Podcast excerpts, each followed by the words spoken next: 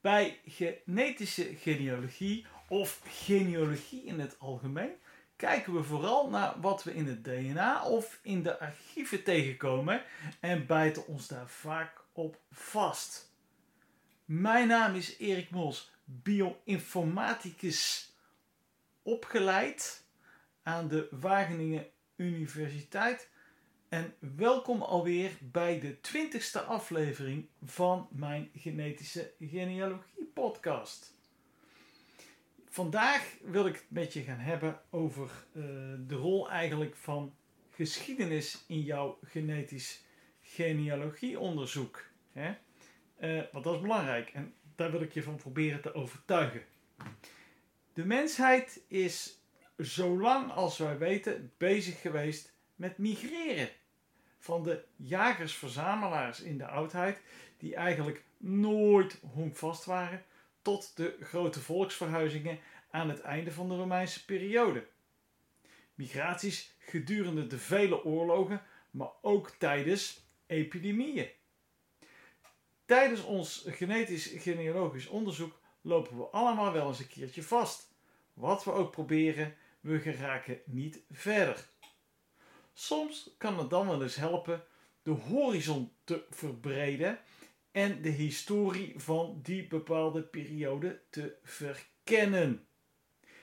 Wie zegt dat jij in de juiste gemeente of plaats in de archieven aan het zoeken bent?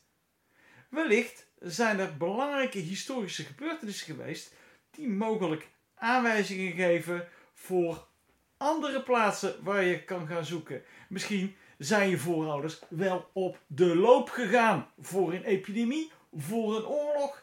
Wie weet, misschien heeft de geschiedenis een antwoord voor je. Zelf luister ik vaak naar historische podcasts wanneer ik in de auto uh, onderweg ben.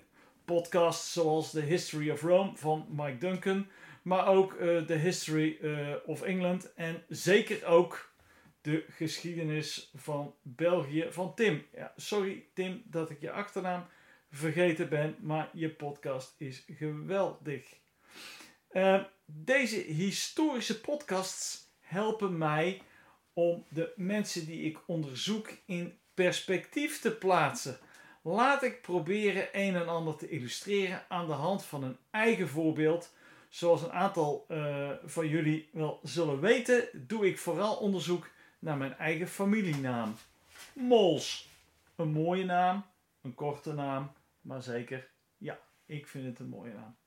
Uh, met mijn uh, eerste, ja, initiële ei-DNA-onderzoek kwam ik niet veel verder. En uh, met mijn traditionele uh, genealogisch onderzoek zat ik vast in 1445 met een Jan Mols uit Geel maar ook Porter ter Antwerpen. Historische podcasts gaven mij het inzicht over de zeer intensieve contacten die er waren tussen Engeland, Vlaanderen en Brabant. Het waren de historische podcasts die mij op het pad zetten van het zoeken in Engelse archieven. En anders was ik daar gewoon niet op gekomen. Waarom zou ik in Engeland gaan zoeken op dat moment?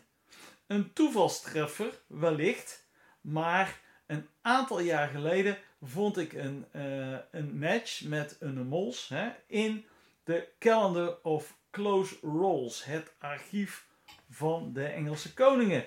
Daar trof ik ene James Lee Mols aan, die in 1303 ambassadeur was voor de stad Gent bij de Engelse koning Edward I. En dat bleek dan vervolgens ook nog eens de oudste bekende vermelding te zijn van de naam Mols. Staat hij nu in mijn stamboom? Nee. Nee, nee, dat niet zou het graag doen, maar daar heb ik verder geen aanknopingspunten voor. Uh, deze vondst heeft voor mij voor twee dingen gezorgd. aan de ene kant ben ik mijn iDNA-onderzoek weer gaan ident, intensiveren. Door onder andere mijn iDNA te uploaden bij iFool.com. En dat gaf mij vervolgens 18 haplogroup matches in met name Engeland en de United States of America. En allemaal met de achternaam uh, Baron uh, of, of een variant daarop. En op de tweede plaats begon ik een historisch populatieonderzoek naar de naam Mols door, simpel gezegd, per eeuw alle molsen te noteren die ik in uh, de, met name de Nederlandse en de Belgische archieven tegenkwam. En dan schreef ik dus op in welke plaatsen ze voortkwamen, in welke eeuw. En uh, ja, dat heb ik geplot op een kaart. En dat gaf mij een beeld. Hè, waarbij ik gedurende de eeuwen vanaf dus die, die 12e eeuw tot en met de, de 17e eeuw een duidelijk migratiepatroon zag. En wanneer ik terug ging kijken, ja, dan wezen de pijlen richting Brussel en West-Vlaanderen. Wat op zich qua uitdelen natuurlijk ook logisch is als het Engels is van oorsprong en de handelscontacten waren zo intensief met Engeland en Vlaanderen, ja, dan is dat ook wel iets wat je mag verwachten. Natuurlijk heb ik nog geen uh, verbinding gevonden uh, tussen James uit 1303, Jan uit 1545 en Peter, Jan uit 1445 en Peter uit 1545. En Peter uit 1545, dat is de laatste waarvan ik echt actes heb kunnen vinden. Maar zonder historisch onderzoek te betrekken bij mijn zoektocht was ik nooit zover gekomen. Echt niet. Wat ik wil aangeven, het draait niet alleen om de personen die je onderzoekt, maar zeker ook om de omgeving. Waar leefden zij? Belangrijk is te realiseren dat die omgeving uh, hun leven beïnvloeden en mogelijk dus migraties kan verklaren. Laten we eens een aantal grote gebeurtenissen in de Nederlandse en Vlaamse geschiedenis de revue laten passeren. Uh, en dan begin ik in 57 voor Christus, wanneer de Romeinen uh, zo'n beetje neer beginnen te strijken in onze streken.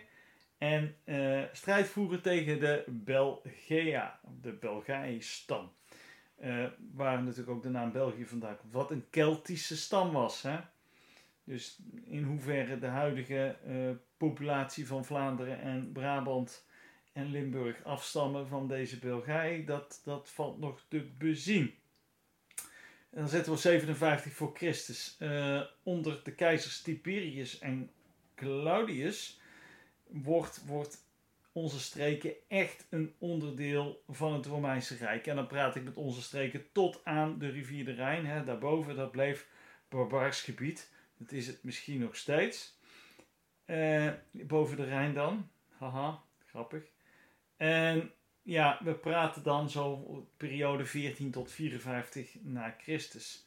Nou, een andere belangrijke gebeurtenis dan weer is de opstand van de Bataven in 68 en eh, 69 na Christus. En vergeet niet dat de Friezen ook behoorlijk begonnen op te komen. En de strijd die de Friezen later zouden hebben eh, met, met de Franken. Hè? En wat steeds meer, steeds vaker in historisch uh, onderzoek terugkomt, uh, terugkomt, is dat die Friezen toch wellicht ook wel een rolletje hebben gespeeld in al die rooftochten van de Vikingen dat de vikingen dus niet specifiek alleen maar uit uh, Denemarken, Noorwegen en Zweden kwamen, maar wellicht ook uit Friesland. Ja, die boeven toch, hè? Wat denken jullie van eh, 476? Dan valt het Romeinse Rijk uiteindelijk in elkaar. En ja, wat krijgen we dan? Dan, dan krijgen we dat ja, eigenlijk de mensen een beetje weer uh, weg beginnen te trekken uit onze streken. Uh, met name dan uit het, het, Nederlandse deel. in Vlaanderen blijft, men, blijft de bebouwing of blijft de bewoning blijft wat sterker. Ehm, ja, wat denken jullie verder van eh, eh, Utrecht? Hè? Dat de, wat een Romeinse eh, stad was. Wat vervolgens dan een stad wordt van de Friezen. En nog wel de hoofdstad van Friesland.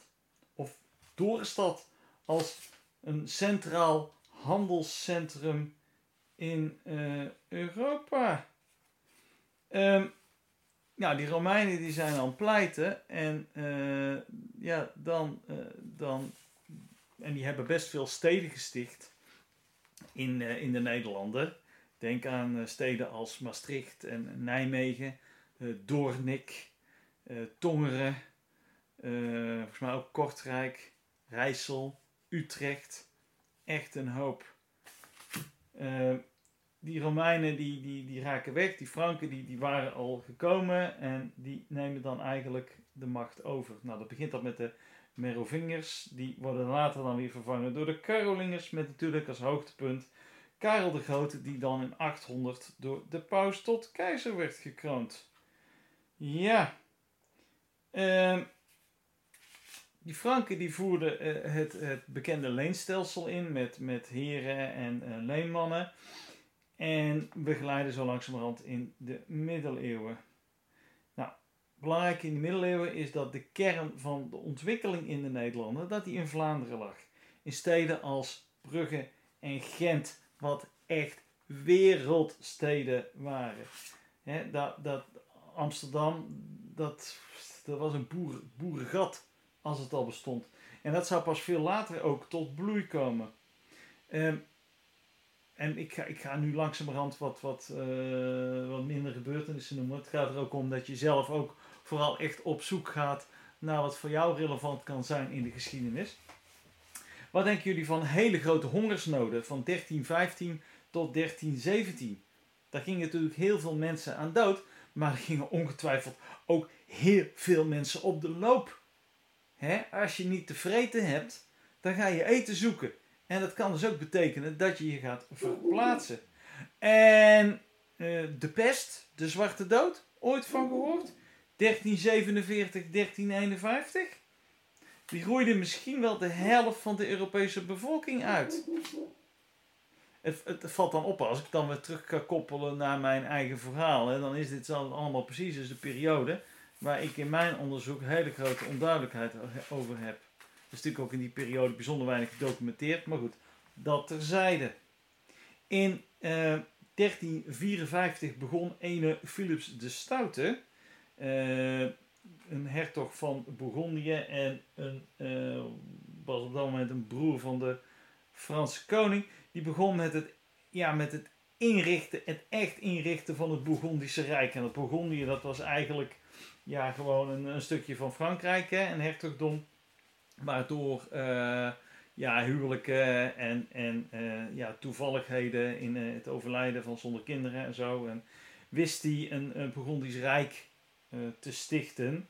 Wat dan nog een aantal generaties doorging. Wat uiteindelijk een deel van Frankrijk en de volledige Benelux zou bevatten. Het is eigenlijk de allereerste keer dat de Nederlanden zo groot waren. Uh, vervolgens weer door middeleeuwse huwelijkspolitiek en het feit dat de Bourgondiërs op het einde geen mannelijke uh, nakomelingen hadden, kwamen de Nederlanden in handen van de Habsburgers. En dat splitst weer op. Dan krijg je de Oostenrijkse, uh, Duitse Habsburgers en je krijgt Spaanse Habsburgers. Nou, bla, bla, bla, dat is wel bekend hè. De Nederlanden die komen dan in handen van de Spaanse Habsburgers. Eerst Karel V en later Philips II. Nou, dat is allemaal een hoop gesodemieter. Dat leidt in 1566 tot de beeldenstorm.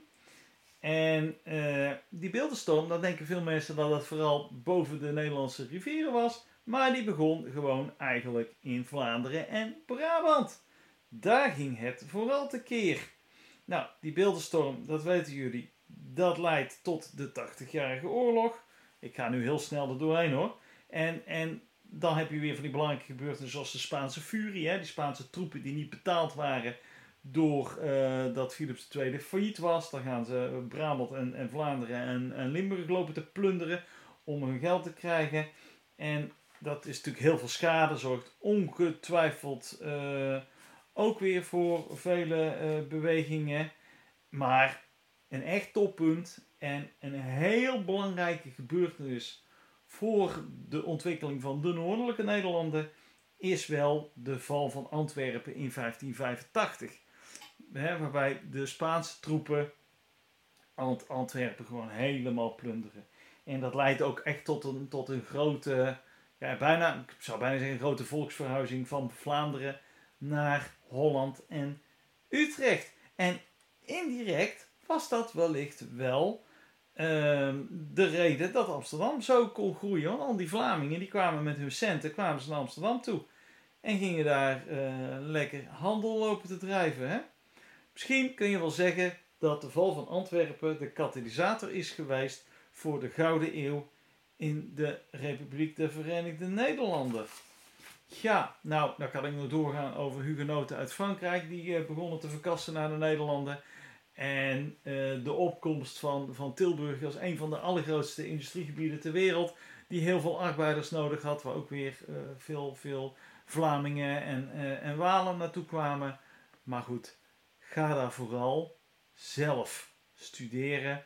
Hè? Wat zijn relevante historische gebeurtenissen voor jouw onderzoek?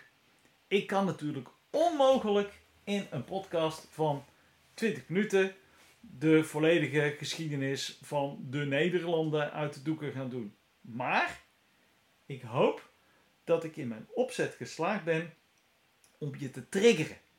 Eh, verder te kijken dat je neus lang is en historisch onderzoek te gaan betrekken bij jouw genetisch genealogische onderzoek.